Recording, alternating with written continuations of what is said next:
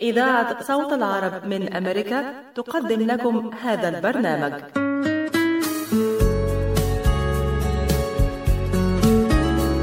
القهوة عالم يجمعنا بناس نشوفها نحبها ومن جوه قلوبنا تفوت. قلوبهم دايما شايلة حكاوي وذكريات.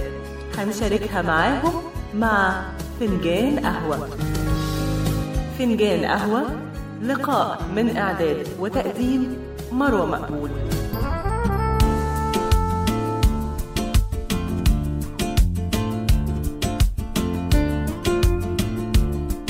مستمعينا في كل مكان أهلا ومرحبا بكم واللقاء يتجدد مع فنجان قهوة. نقدم لكم مستمعينا فقرات ولقاءات ونتجول معكم حول العالم فابقوا معنا. فات عمري مني كأني قبلك ما اتولدتش بس عايزك تعرفيها فات عمري مني ومن حياتي ما استفدتش غير لما شفتك جنبي ومشاركاني فيها. لحقتيني من التوهة اللي واخداني من الوحدة اللي قتلاني من الغربة اللي جوايا من الدنيا اللي تعباني. دايما معنداني هذا البرنامج يأتيكم برعاية. أهلا وسهلا شرفتونا. تفضلوا على الأكل. ما في أحلى من جمعة الحبايب على السفرة بالويكند واو شو طيب ورق العنب مثل اللي بتعمله ستي. صحتين حبيبتي والكبة كيف شفتيها؟ مم مثل ما بتعملها ستي. وشو رأيك بالكنافة؟ الكنافة؟ لا مش معقول. كنافة ستي. مأكولات زياد. نكهة الأجداد يتوارثها الأحفاد. خالته فيني أسألك؟ شو طابخة بكرة؟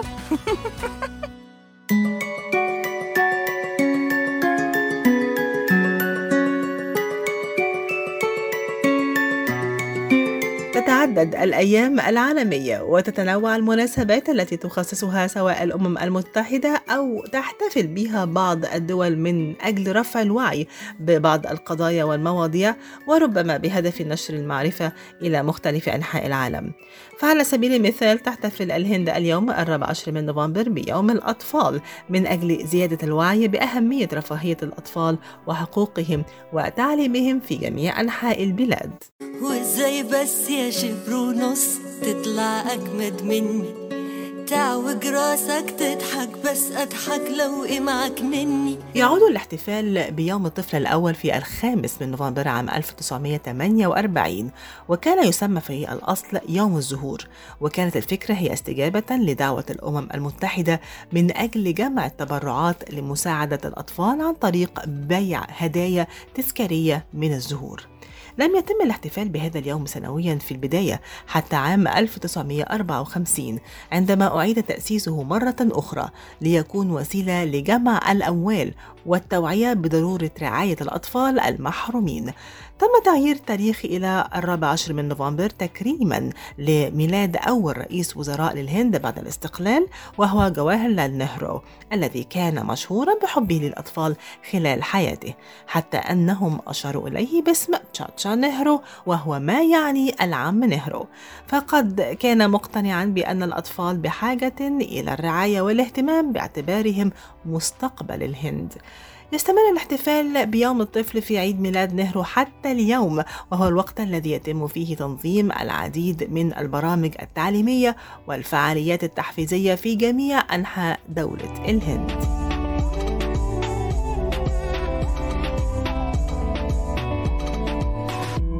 انتشرت فكرة الاحتفال بيوم الطفل من الهند إلى مختلف أنحاء العالم ولكن يحتفل كل منها في يوم مختلف على مدار العام. فتايلاند تحتفل به في التاسع من يناير ونيوزيلندا في 6 مارس. الصين 4 إبريل تركيا فتحتفل به في 23 إبريل والمكسيك أيضا تحتفل به في إبريل ولكن في آخر يوم من الشهر. أما أسبانيا فتحتفل بيوم الطفل في 8 مايو. نيجيريا في 27 مايو.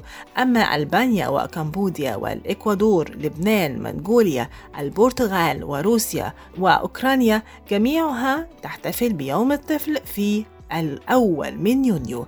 وإندونيسيا تحتفل به في 23 يوليو. الأرجنتين في 21 أغسطس. كوستاريكا في 9 سبتمبر تشيلي في 5 أكتوبر. أما كندا وفرنسا اليونان إسرائيل إسبانيا السويد والعديد من دول العالم فتحتفل بيوم الطفل في 20 نوفمبر. والكونغو وتشاد تحتفل به في 25 ديسمبر.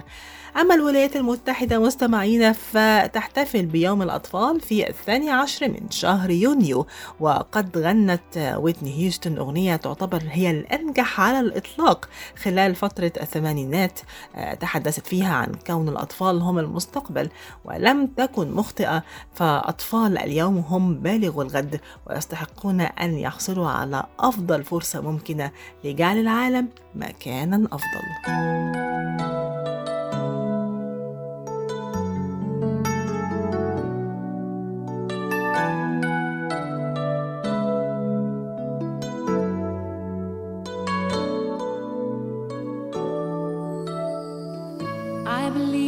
Children are our future. Teach them well and let them lead the way. Show them all the beauty they possess inside.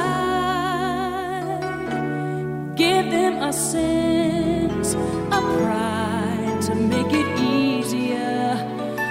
Let the children's laughter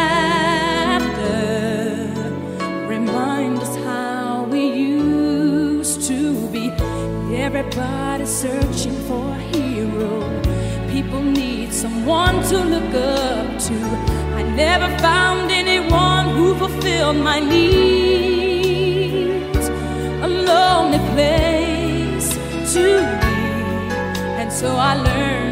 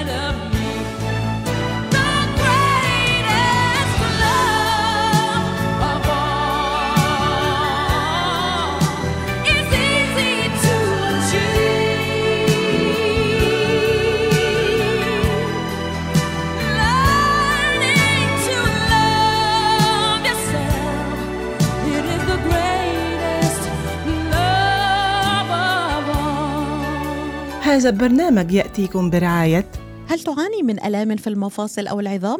جربت الأدوية دون فائدة؟ هل تفكر في إجراء عملية؟ انتظر. الحل لدى مركز Top Rehab للعلاج الطبيعي. جهاز SoftWave علاج جديد غير جراحي يستخدم الموجات فوق صوتية لتحفيز الجسم على بدء عملية الشفاء وتوليد أنسجة جديدة. في مجالات جراحة العظام الكسور العناية بالجروح وعلم الجمال. دون جراحة أو تخدير وقت علاج قصير نتائج سريعة طويلة الأمد. تستخدمه العديد من المراكز البحثية الطبية والرياضية الرائدة في أمريكا. الآن حصريا في ميشيغان لدى مركز Top Rehab للعلاج الطبيعي. احجز جلسة تقييم شامل لحالتك بواسطة جهاز SoftWave وبرسوم رمزية. اتصلوا الآن على 313-846-0555 Top Rehab Physical Therapy بإدارة أخصائي العلاج الطبيعي الدكتور محمد فرح حسين بخبرة أكثر من 20 عاما. اتصلوا الآن واحجزوا 313-846-0555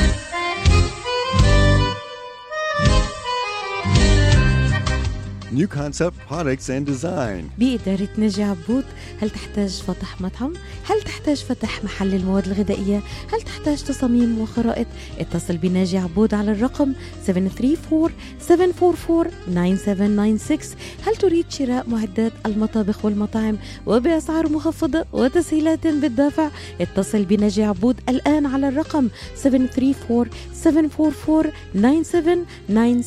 خصم 5% عند الشراء ب 75 ألف أو أكثر على كافة المواد لمزيد من المعلومات زوروا موقعهم الإلكتروني على www.newconceptproducts.com. أو زوروهم في موقعهم الجديد 31185 Schoolcraft in Livonia. ناجي عبود العلامة المميزة في عالم المطابخ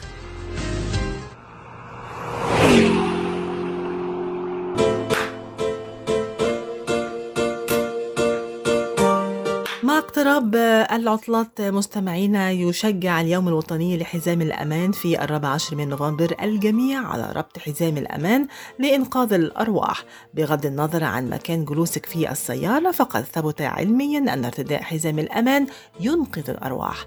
ما يزيد قليلا عن 90% من الأمريكيين يربطون حزام الأمان مما ينقذ ما يقدر ب 15 ألف حياة كل عام.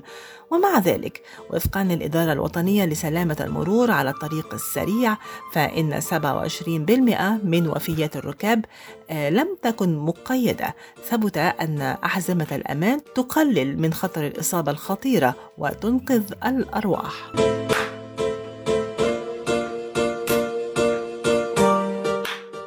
قدم المهندس السويدي نيلز إيفار بولين حزام الأمان ثلاثي النقاط منذ 60 عاما وقد ساهم في إنقاذ ملايين الأرواح منذ ذلك الحين. وعلى الرغم من أن شركات تصنيع السيارات قد أضافت عوامل أمان أخرى للسيارات إلا أن العديد من هذه التطورات وحدها قد لا تنقذ حياة شخص إلا إذا كان حزام الأمان يقيد السائق والركاب.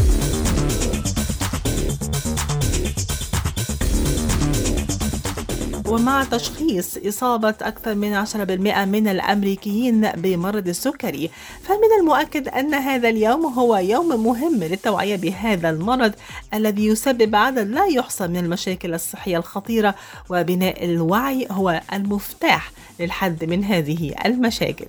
في الرابع عشر من نوفمبر تحتفل الولايات المتحدة الأمريكية ودول أخرى حول العالم باليوم العالمي لمرض السكري.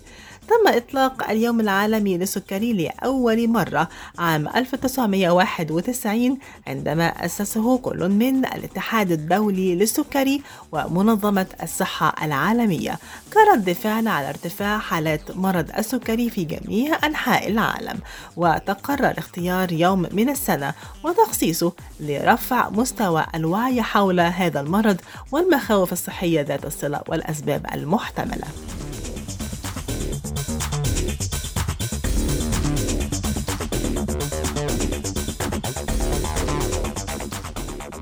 ويقع اختيار اليوم الرابع عشر من نوفمبر لأنه عيد ميلاد السير فريدريك بانتينغ عالم الطب الكندي الذي شارك في اكتشاف الإنسولين مع تشارلز بيست وكان أول من استخدمه لصالح البشر. ولد بانتينغ في عام 1891 ولم يعش حتى سن الخمسين ولكن إسهاماته في العلوم والصحة الطبية كانت ثورية بالنسبة لملايين الأشخاص في جميع أنحاء العالم. وبحلول عام 2006 أصبح اليوم العالمي لمرض السكري يوما رسميا للأمم المتحدة. وابتداء من عام 2007 أصبح شعار الدائرة الزرقاء الرمز الرسمي للتوعية بمرض السكري. عن مرض السكري مستمعينا وكيف يمكن اكتشاف المرض في مراحله المبكرة وما هي أعراض مقاومة الإنسولين في الجسم. هذا هو ما سيحدثنا عنه دكتور مصطفى هدارة استشاري جراحة العظام.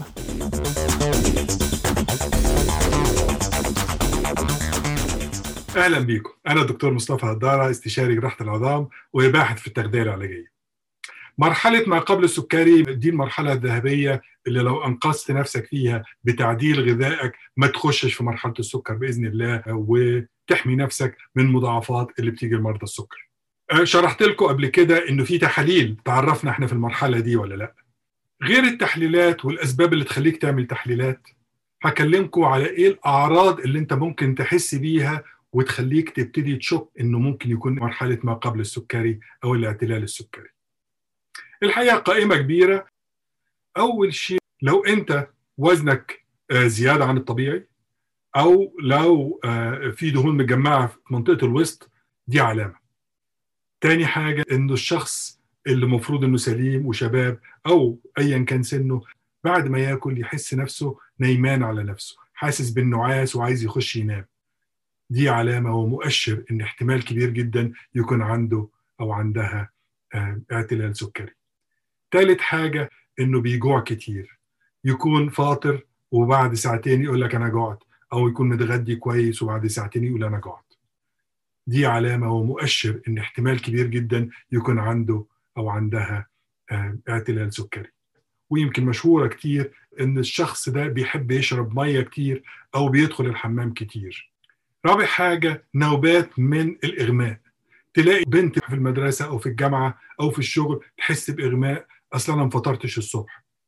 دي علامة احتمال كبير جدا يكون عندها اعتلال سكري.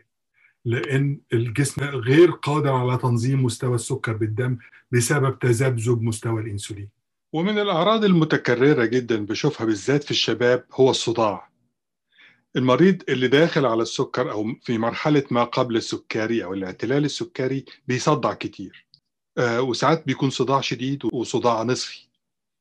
وطبعا ما بنلاقيش سبب. وجيه آه بنكشف على العينين ما بنلاقيش سبب للصداع بنكشف على الضغط ما بنلاقيش سبب للصداع والدكاتره بيبقوا محتارين وبيقولوا عليه stress ممكن جدا ال stress بس بنلاقي الناس دول اللي عندهم انسولين عالي أو في مرحلة ما قبل السكري عرضة للصداع أكتر من غيرهم.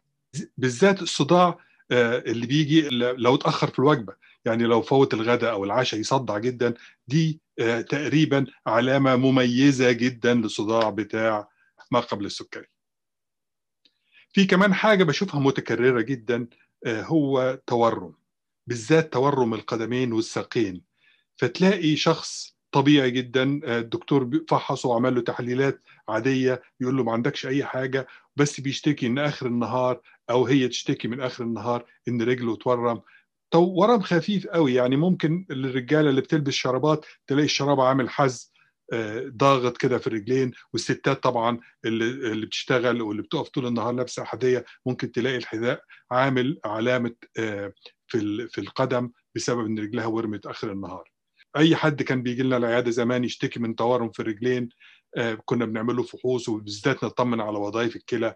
آه، ووظائف الكبد ونلاقي كل حاجة سليمة وما نبقاش فاهمين إيه اللي بيخليهم يتورموا كده. دلوقتي عرفنا إن دي أحد علامات ما قبل السكري وممكن تستمر طبعا آه، مع دخول مرض السكر وتمكنه من الجسم. إيه تاني؟ الحقيقة في علامات بتظهر على الجلد. كتير جدا من المرضى اللي عندي عندهم العلامات دي وما خدوش بالهم منها أو خدوا بالهم وراحوا خدوا رأي حد من الأطباء والأطباء ما ربطوش بينها وبين الاعتلال السكري لأن ما كناش زمان آه، عارفين إن في ارتباط بينهم وأنا منهم ما كنتش عارف زمان. إيه العلامات دي؟ أشهر علامة هي وجود آه، زوائد جلدية صغيرة جدا بنسميها skin tags ال skin tags دول آه، بيطلعوا في كذا حتة آه، سواء في الرقبه في منطقة ال- ال- الجسم الأمامية حوالين الإبط آه، وال skin tags دول ممكن يكونوا فاتحين خالص لون الجلد أو أغمق سنة أو غامقين خالص. اللي يميزهم إن هم بارزين وتمسكهم زي حتة الجلد الزيادة كده. ده الحقيقة بيحصل في نسبة كبيرة جدا من الناس قبل ما يظهر عندها السكر وبيستمر في الناس اللي ظهر عندها سكر طبعا وبتزيد عندهم ال skin tags دول أو الزوائد الجلدية. في كمان حاجة بتظهر عند المرضى دول هو جفاف الجلد. هتلاقي واحدة ست أو راجل بيجي له جفاف آه، سواء في الإيدين أو عند الكوع أو في الكعب والحقيقة ده آه، ليه أسباب مختلفة لكن من ضمنها إنه في مرحلة ما قبل السكري. جفاف الجلد ممكن يظهر في مناطق أخرى ويظهر معاه بعض البقع بالذات في منطقة قصبة الرجل على الساقين. ممكن نلاقي منظر شبه ده. بتشوفه كتير جدا في ناس آه، عندها سكر أو قبل ما يظهر السكر عليها. من الحاجات الشهيرة جدا هو ظهور بعض الطفح الجلدي آه، على منطقة الظهر بالذات. وغالبا الطفح ده بيكون آه، بيدي شعور بين الحين والآخر بالأكلان ويبقى الواحد عايز يهرش. في نوع تاني من البقعة الجلدية اللي بتظهر خفيفة جدا عند الناس في مرحلة ما قبل السكري شبه شوية النمش لكن لما تقرب منها تلاقيها بارزة شوية. مش زي النمش فلات بارزة سنة. وده برضو علامة من علامات ما قبل السكري. بتحصل كتير جدا في منطقة الظهر. وفي حاجة شهيرة جدا كل الدكاترة عارفينها ظهور مناطق حمراء من الجلد. وبالذات في المناطق زي الإبط وبين الفخذين آه، وده شهير جدا وليه علاقة مباشرة بمرض ما قبل السكر ومرض السكر. وأحيانا بتكون المناطق دي مش محمرة لا مسمرة. وفي حاجة تانية من تغير لون الجلد بس بيكون على درجة سمار يعني اللون الجلد يبقى أغمق من الطبيعي. ومشهورة جدا في منطقة الرقبة آه، بالذات وممكن تحصل في مناطق أخرى من الجسم لكن بالذات الرقبة وأحيانا بتظهر آه، في في ظهر الإيد هنا. في مجموعة أخرى من المشاكل شهيرة جدا في مرحلة آه، ما قبل السكري أو الاعتلال السكري هي آه، سرعة حدوث انفكشن أو التهابات سواء الالتهابات دي في الجلد أو تكرار حدوث آه، أمراض زي آه، آه، أدوار الإنفلونزا الكتير أدوار البرد الكتير لكن الشهير جدا هو حدوث التهابات فطرية في الجلد سواء الفطريات دي في الأقدام في الجلد زي التينيا اللي بتيجي في الشباب بلاقي كتير جدا منهم بيجي لهم سكر بعد كده. مما يدل إنه كانوا في مرحلة اعتلال سكري. آه، وزياده الرا- الرائحة الكريهه في الأقدام أو في الإبط. بلاقي الناس دي بت- بتنمو على جسمهم فطريات بصورة أكبر من الناس الطبيعيين. وهي مشكلة قشرة الرأس. آه، ناس كتير من ال... عندي آه، لما عالجتهم من آه، آه، مشكلة آه، منا- مقاومة الإنسولين قالوا لي إحنا اختفت من عندنا قشرة الرأس مع إن إحنا عايشين على دايما الشامبوهات بتاعت قشرة الرأس وبناخد علاج ما كانتش بتروح اختفت تماما. آه، لما تدور في الكتب تبص تلاقي بعض الإشارات إن الناس إنه في احتمال يكون قشرة الرأس ليها علاقة بما قبل السكري أو مرض السكري. يا رب تكون بخير دي أهم حاجة عندي. بعديها حاجات كتير انسى الزعل وعدي. فضي المكان واتقفلت البيبان. هذا البرنامج يأتيكم برعاية حاولنا كتير. خلينا نحاول كمان مرة الكلفة كبيرة والاحتمال ضعيف. يعني ما في أمل؟ للأسف حبيبتي. هنالك أمل. لدى مركز إخصاب IVF ميشيغان الذي صنف من بين أفضل خمسين عيادة إخصاب في أمريكا. وفق مجلة نيوزويك لعام 2023 ويعتبر الدكتور نيكولاس شما مؤسس مراكز IVF ميشيغان وأوهايو من أهم أخصائيي العقم في أمريكا حيث أجرى أكثر من عشرين ألف عملية طفل أنبوب ناجحة. حققت حلم الأبوة لكثير من الآباء والأمهات. وهو حاصل على البورد الأمريكي في أمراض النساء والتوليد والعقم والغدة الصماء التناسلية. الآن ولفترة محدودة. خصم ألف دولار للحالات المؤهلة لإجراء عمليات في عيادات IVF ميشيغان لمزيد من المعلومات يرجى الاتصال على 2489-529600 اي في اف أمل يولد من جديد. بين الأنقاض وركام الأبنية داخل خيمة شيدت على عجل بجانب سرير في مشفى ميداني. كانت منظمة الحياة للإغاثة والتنمية من أول الواصلين لمساعدة ضحايا زلزال تركيا وسوريا. وفي الذكرى الثلاثين على تأسيسها ما زالت تساعد ضحايا الزلزال والمتضررين من الكوارث الطبيعية في 36 بلدا حول العالم دون تمييز بين عرق أو جنس أو دين ودون اقتطاع أي رسوم إدارية على تبرعات الاستجابة الطارئة. تبرع الآن لتبث الأمل في حياة كثير من المتضررين والمحتاجين من خلال منظمة الحياة للإغاثة والتنمية التي تم اختيارها من أفضل تسعة مؤسسات خيرية حول العالم لعام 2022 تبرعوا الآن على الرقم 1-800-827 3543 أو زوروا موقعهم الإلكتروني لمزيد من المعلومات على www.lifeusa.org Life for Relief and Development حيثما توجد الحياة يوجد الأمل.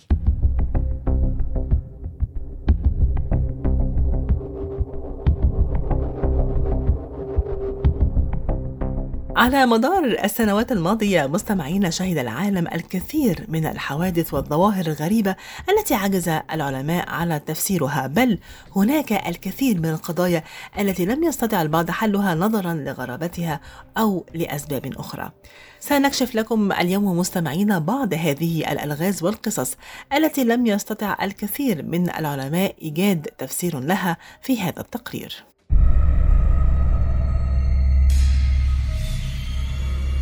أهلا بكم من جديد وسلسلة حلقات اللغز. نبدأها مع الفتاة الروسية ناليا ميكاليوفا التي اكتشفت بالصدفة امتلاكها قدرات خارقة حيث كرست حياتها للعلم ولم تنساك خلف الأمور المادية. بدأت القصة عندما عانت ناليا في يوم من ضيق وعصبية كبيرة حيث نظرت لمزهرية بجانبها وظلت تتحرك حتى سقطت وكسرت حيث اعتقدت أن الأمر مجرد صدفة لكنه تكرر أكثر من مرة وبدأت تكتشف امتلاكها قدرات خاصة لها علاقة بتحريك الأشياء دون لمسها ولا تحتاج سوى التركيز عليها وأن تنظر لها بعمق وتحرك يديها إليها. اكتشفت ناليا قدراتها حيث بدأت في تجربة الأمر بين عائلتها وأصدقائها وبدأت تعرض عليهم ما اكتشفته وسط علامات الصدمة حيث استطاعت تحريك الأشياء بإشارة من العقل حتى وصل الأمر إلى الصحافة وتواصل معها أحد الصحفيين الكبار وطلب مقابلتها للتأكد من قدراتها. تحدت ناليا العلماء الذين وصفوها بأنها دجالة وأخبرت الجميع باستعدادها للخضوع لأي اختبار حيث اجتمع أربعون من كبار العلماء بروسيا من بينهم اثنان حاصلان على جائزة نوبل. وفي عام 1968 قرر العلماء اختبارها بأنفسهم وجها لوجه وحتى ضمان صحة التجربة وعدم الخداع. خضعت الفتاة لتفتيش ذاتي مع أشعة دقيقة للتأكد من عدم إخفاء أي شيء مغناطيسي يجذب الأشياء، مع توثيق التجربة من خلال تصويرها بحضور خمسة مصورين من زوايا مختلفة. بدأ التحدي من خلال جلوس الفتاة وأمامها ساعة يد، حيث نظرت لها وبدأت في التركيز، ثم بدأت تحرك يديها بشكل دائري. ثم بدأ بندول الساعة يتحرك معها بنفس اتجاه يديها ثم قررت وقف حركة يديها وحركتها في اتجاه عكسي حيث اتجه البندول إلى الاتجاه العكسي وسط ذهول جميع المتواجدين. استمرت التجربة سبع ساعات حتى تمكنت من تحريك الكثير من الأشياء ذات الوزن الخفيف والثقيل وحتى الكائنات الحية حيث قال العلماء أن ما شاهدوه شيء لا يصدق.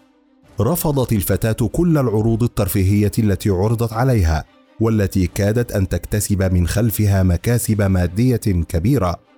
وقضت حياتها في خدمة العلم والمختبرات والمعامل والمؤتمرات لتثبت أن للإنسان قدرات كبيرة.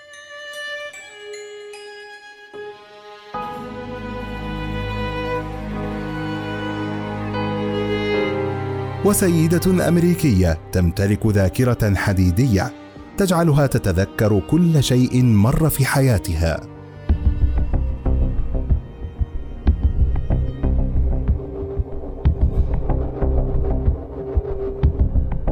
ولدت جيل برايس عام 1965 وتبلغ من العمر حاليا 58 عاما عاشت منهم أربعة وأربعين عاما في عذاب غير محتمل.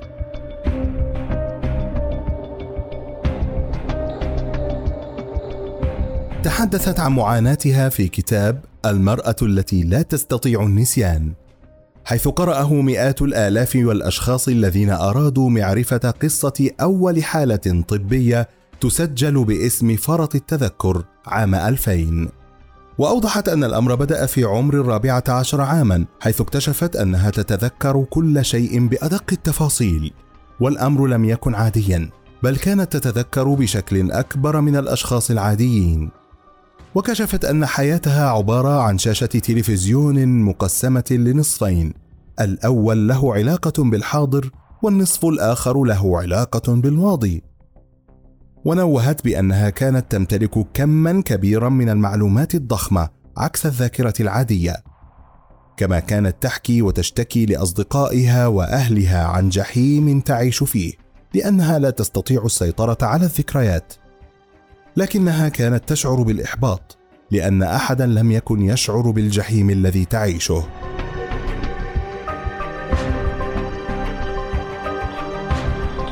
بحثت جيل في الإنترنت عن اية حالات شبيهة لها أو شخص يعاني من نفس الأعراض ولم تجد.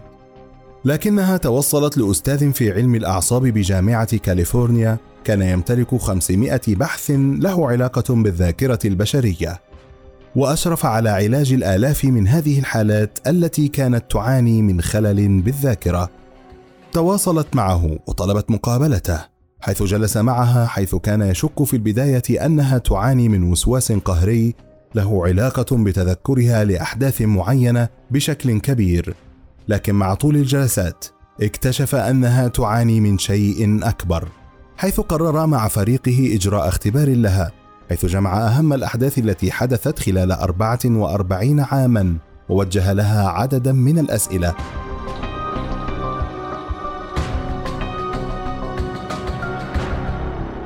وبعد عدة أشهر من الاختبارات توصل أنه أمام حالة استثنائية تتذكر التفاصيل التي عاشتها بأدق التفاصيل.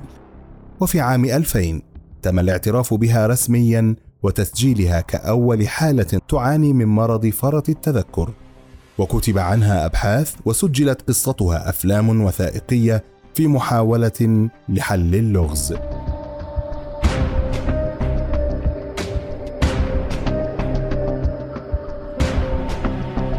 أحيانا تكون القصص والوقائع التي تحدث لأشخاص حول العالم سببا في تغيير حياتهم إلى الأفضل.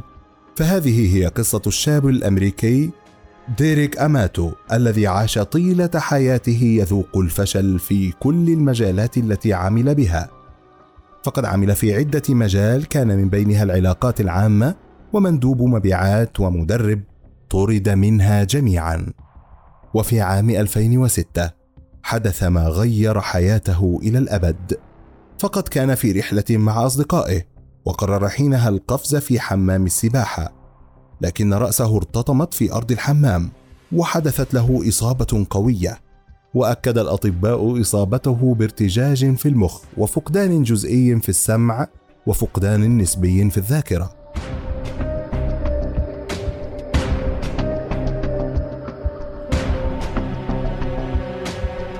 وفي يوم ذهب لزيارة صديق له في منزله ووجد بيانو فاتجه إليه وجلس أمامه وبدأ يضع أصابعه على البيانو ثم بدأ العزف بمهارة حيث عزف مقطوعات موسيقية باحترافية كبيرة جدا.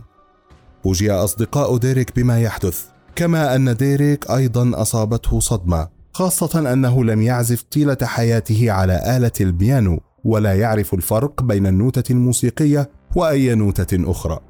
وقال إنه كان يرى المربعات البيضاء والسوداء في ذهنه قبل أصابعه التي تعزف على البيانو، ثم تلعب أصابعه على البيانو دون أي تدخل منه.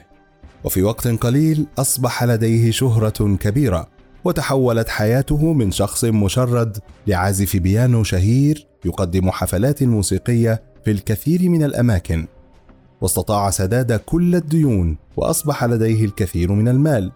ويقول أن ما حدث له هدية من الله بعد سنوات من المعاناة والفقر والتعب.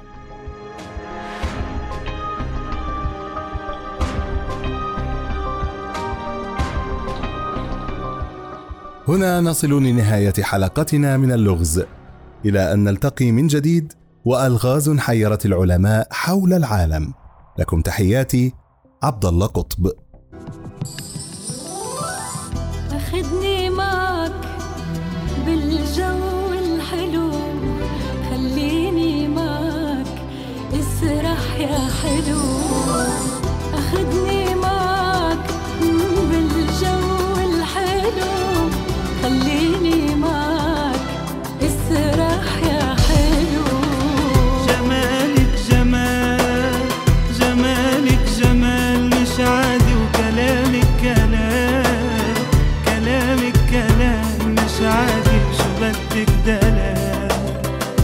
صوت الدلال.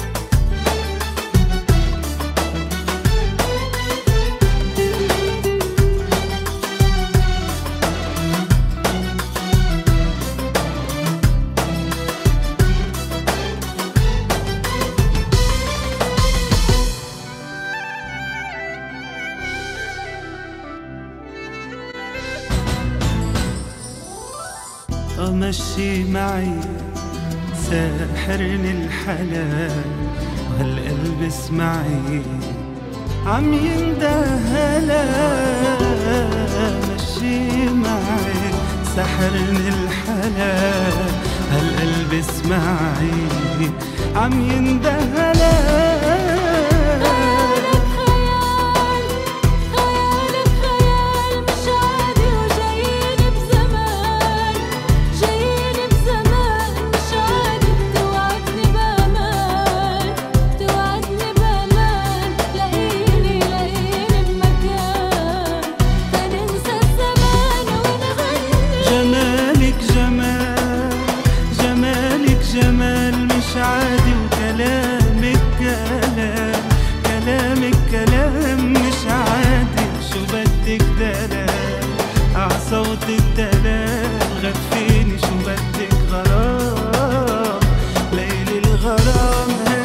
هذا البرنامج يأتيكم برعاية حكي معونة فهم في العين. وافهم كمان ومن بمثل خبرة الدكتور عماد نقاش أستاذ الطب وجراحة العيون في جامعة وين. خبرة طويلة في التعامل مع أمراض العيون وجراحتها عمليات تعديل وتصفية النظر إزالة الماء الأبيض والأسود الجلوكوما وتصحيح النظر من أثار مرض السكر. كادر متخصص ومتدرب لخدمتكم. شعبة متخصصة للنظارات الطبية والهندسة اللاصقة. يقبلون معظم أنواع التأمين الصحي. زوروهم في عيادتهم الواقعة على جنار والناين مايل في مدينة هيزل بارك للمواعيد اتصلوا على 248 336 3937 248 336 3937 أو عيادتهم في راجستر هاوس للمعلومات اتصلوا على 248 299 3937 248 299 3937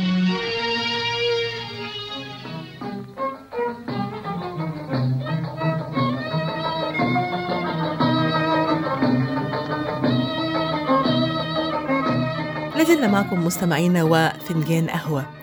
يذكر جمهور الغناء المطربة والملحنة اللبنانية المصرية لور دكاش يذكرها بواحدة من أشهر أغانيها والتي يقول مطلعها آمنت بالله نور جمالك إيه. والشهرة التي حققتها لور دكاش من هذه الأغنية إلى جانب الكثير من أغانيها الرائعة الأخرى. غنت لور دكاش لكبار الملحنين مثل محمد عبد الوهاب محمد عثمان وعزة الجهلي ولها في الإذاعة المصرية أكثر من 500 أغنية. كان الكثير منها من ألحانها.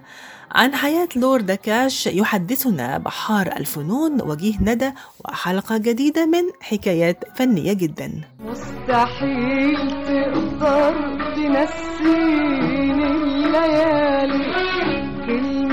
قليلة ما تخاصمنا. قلتها لي إن حبك كان خداع. إن حبك كان خداع. والقلب خالي خالي خالي. مستحيل تقدر تنسيني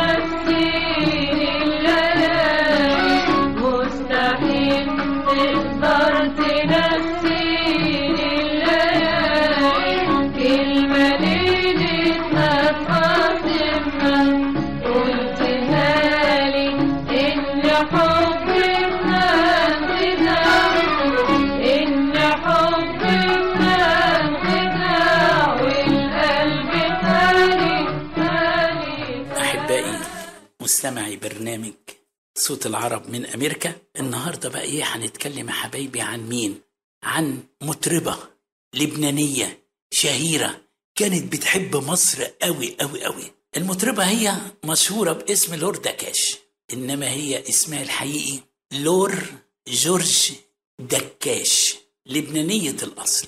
حبيبتنا لور دكاش ولور ده اسم شجر الغار اللبناني. فعشان كده من حبهم في شجر الغار اللبناني سموا لور باسم لور. لور دكاش مثلت في حياتها فيلم واحد. كان ظلام نور حياتي كان سراب وسكرت بيه كان ظلام نور حياتي كان سراب وسكرت بيه كان منام ظالم وعدتي ابتدت له وتهت فيه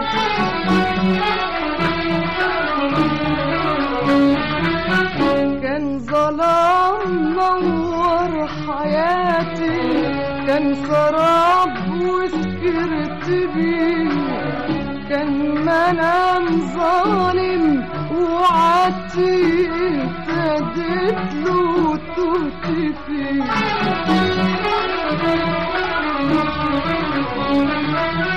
فين غرامي وذكرياتي واشتياق قلبي إليك فين غرامي وذكرياتي واشتياق قلبي إليك.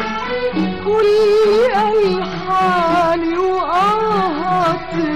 كنت قايدها عليك لوردا كاش كانت شخصية مطموسة ومش معروفة.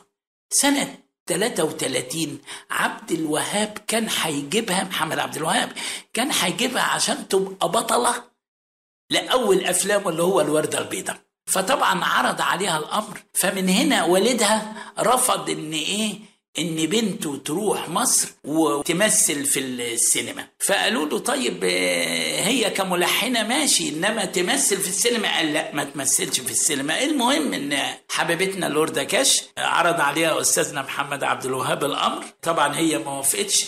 اضطر محمد عبد الوهاب يعمل أول أفلامه بدون بطلة. يعني كانت آه، ممثلات على المستوى يعني اللي هو موجود على الساحة. المهم إن عبد الوهاب هنا طبعا عايز البنت الجديدة دي أو الصوت الحلو ده بتاع لوردا كاش طبعا هنا عرض عليها الأمر في الفيلم التاني اللي هو دموع الحب. برضه ما وافقتش اضطر يجيب مين؟ نجاة علي. ما هيعمل إيه؟ أنا لازم بطلة تبقى قدام مني. وبطلة مشهورة في الوقت ده طبعا لوردا كاش مشهورة. المهم إن حبيبتنا لوردا كاش قضت حياتها كلها بتلحن لنفسها. وما قدمتش ألحان لآخرين لدرجة إن الملحن فريد غصن اللبناني الأصل برضه أو ابن ابن بلدها عرض عليها إن أنت مش ملحنة. إزاي الإذاعة هتذيع لحن آمنت بالله بتلحين لوردا كاش وغنائها؟ لا خلي اللحن ده يبقى باسمي وأنت موجودة على الساحة برضه ومن هنا هي فتحت الباب لمين لفريد غصن على إن كل أهل ال- المغنى في الوقت ده يتجهوا إليه وياخدوا منه ألحانه. يعني هي كانت السبب في اشتهار ألحان فريد غصن. السحر آه يا عيني السحر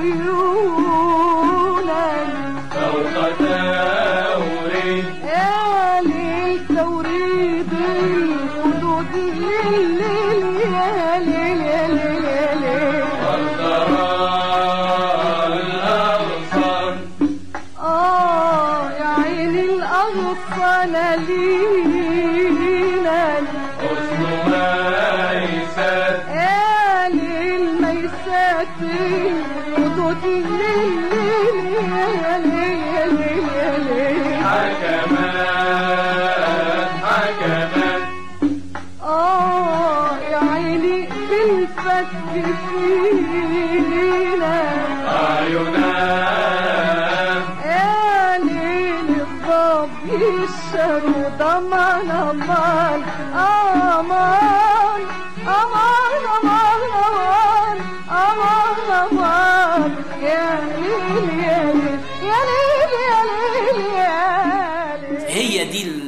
ال- الفنانة لوردا كاش اللي إحنا في حياتنا يعني كنا بنحبها وكنا بنعشق أغانيها اللي هي أصلا أغاني مش مشهورة إلا غير أغنية أمنت بالله. آمنت بالله. آمنت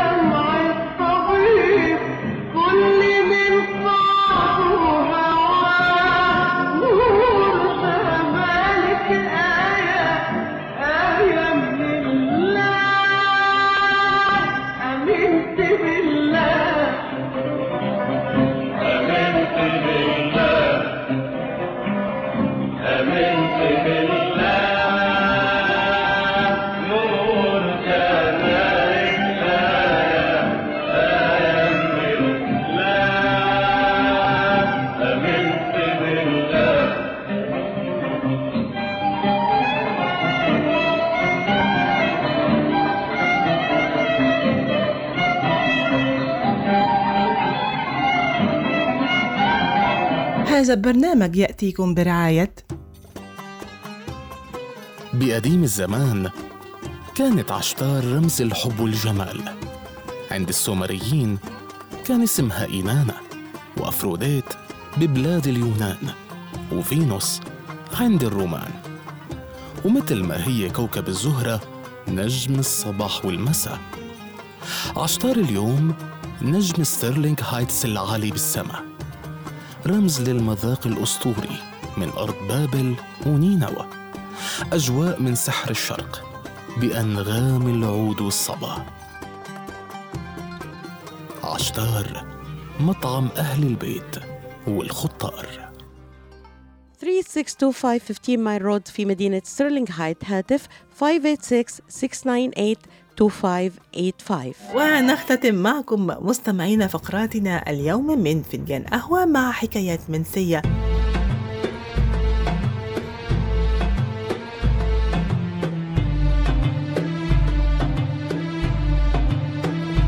ما بين صفحات التاريخ وسطور المؤرخين غابت حقائق وطمست روايات.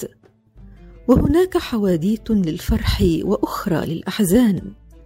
مرت عليها العصور والأزمان فأصبحت اليوم في طي النسيان.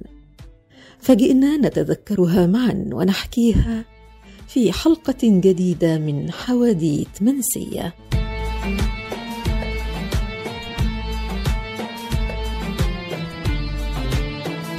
وحلقة اليوم بعنوان شجرة الدر تصحن الدر.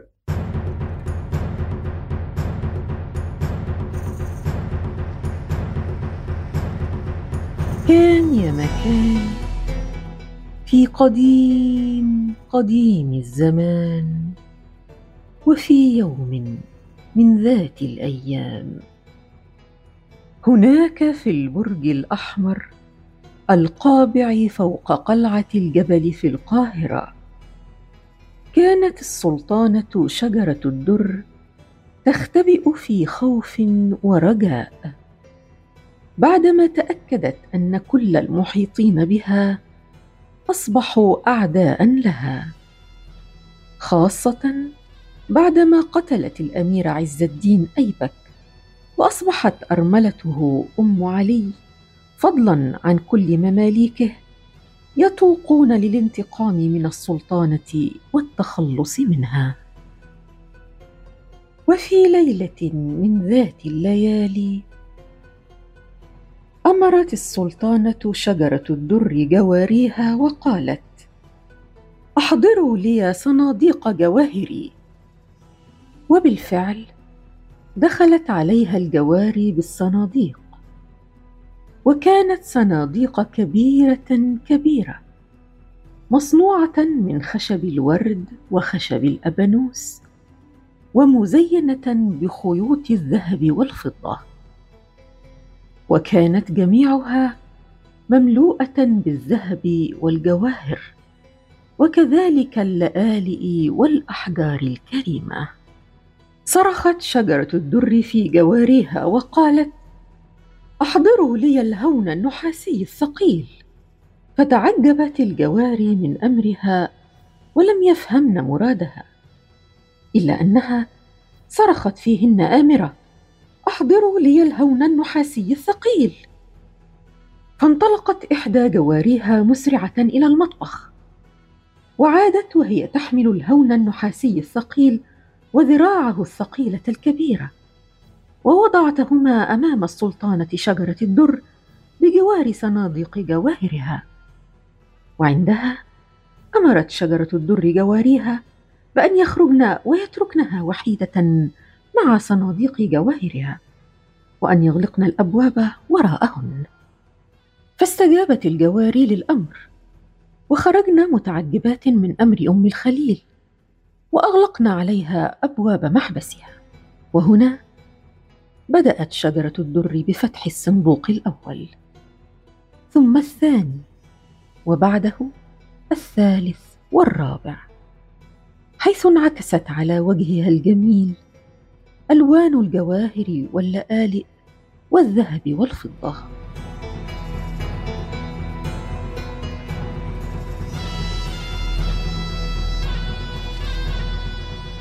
نظرت شجرة الدر على جواهرها نظرة وداع أخيرة. حيث أقسمت في نفسها ألا تتمتع أية امرأة على وجه الأرض بجواهر السلطانة من بعدها أبدا. وبدأت شجرة الدر بالتاج اللؤلؤي.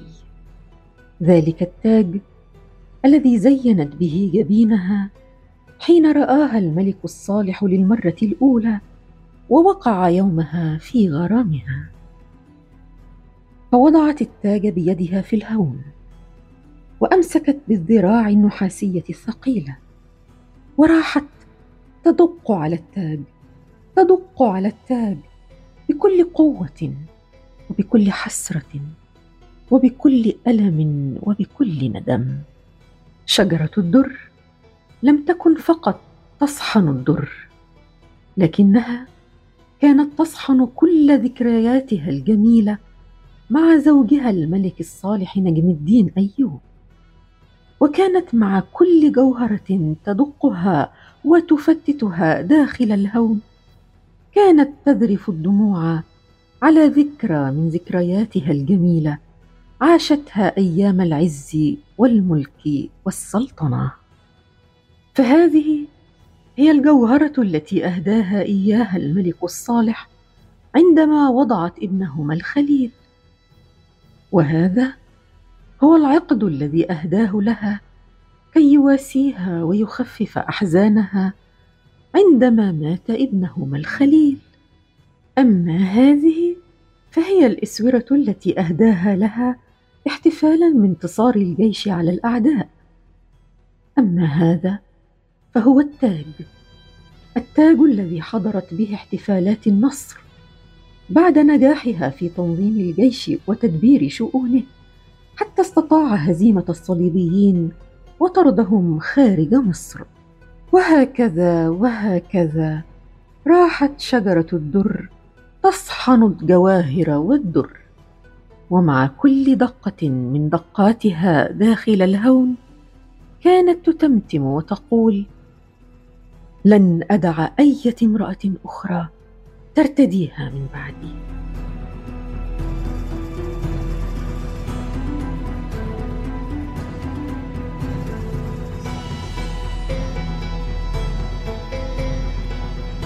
ومع آخر جوهرة صحنتها شجرة الدر في الهون كانت الأبواب تفتح عليها ويهجم عليها مجموعة من الجواري والعبيد. الذين استطاعوا قتلها بصورة بشعة وبأوامر من ضرتها أم علي. وبالرغم من أن شجرة الدر ماتت مقتولة ومهزومة إلا أنه لم تستطع امرأة أخرى بعدها أن تصل لملك مثل ملكها. ولم تستطع إيه امرأة أخرى بعدها أن ترتدي جواهر مثل جواهرها.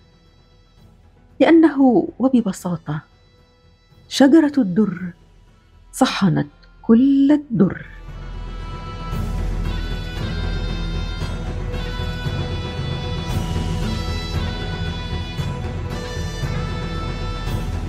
وإلى لقاء جديد نتذكر فيه سويا حدوتة جديدة من حواديت التاريخ المنسية. تعدها وتقدمها لحضراتكم عبير حسين. والله ما طلبت أهواؤنا بدلا منكم ومن صرفت عنكم أمانينا. أضحت تنائي بديلا من تدانينا.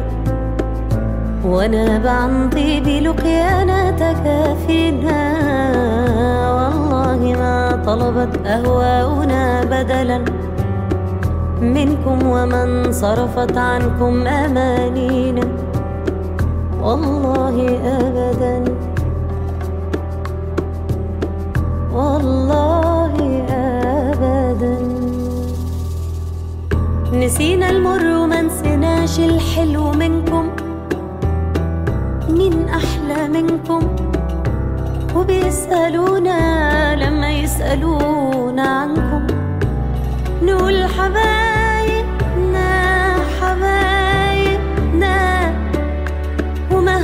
يحصل بينا ولا نستغنى عنكم. والله أبدا. لا لا أبدا. على أمل لقانا صبحنا ومسانا عايشين معانا. يستغربونا إزاي البعد ما قسانا نقول حبايبنا حبايبنا. بتوع زمان ولا الزمن يفرق معانا. والله ابدا. والله ابدا. لا لا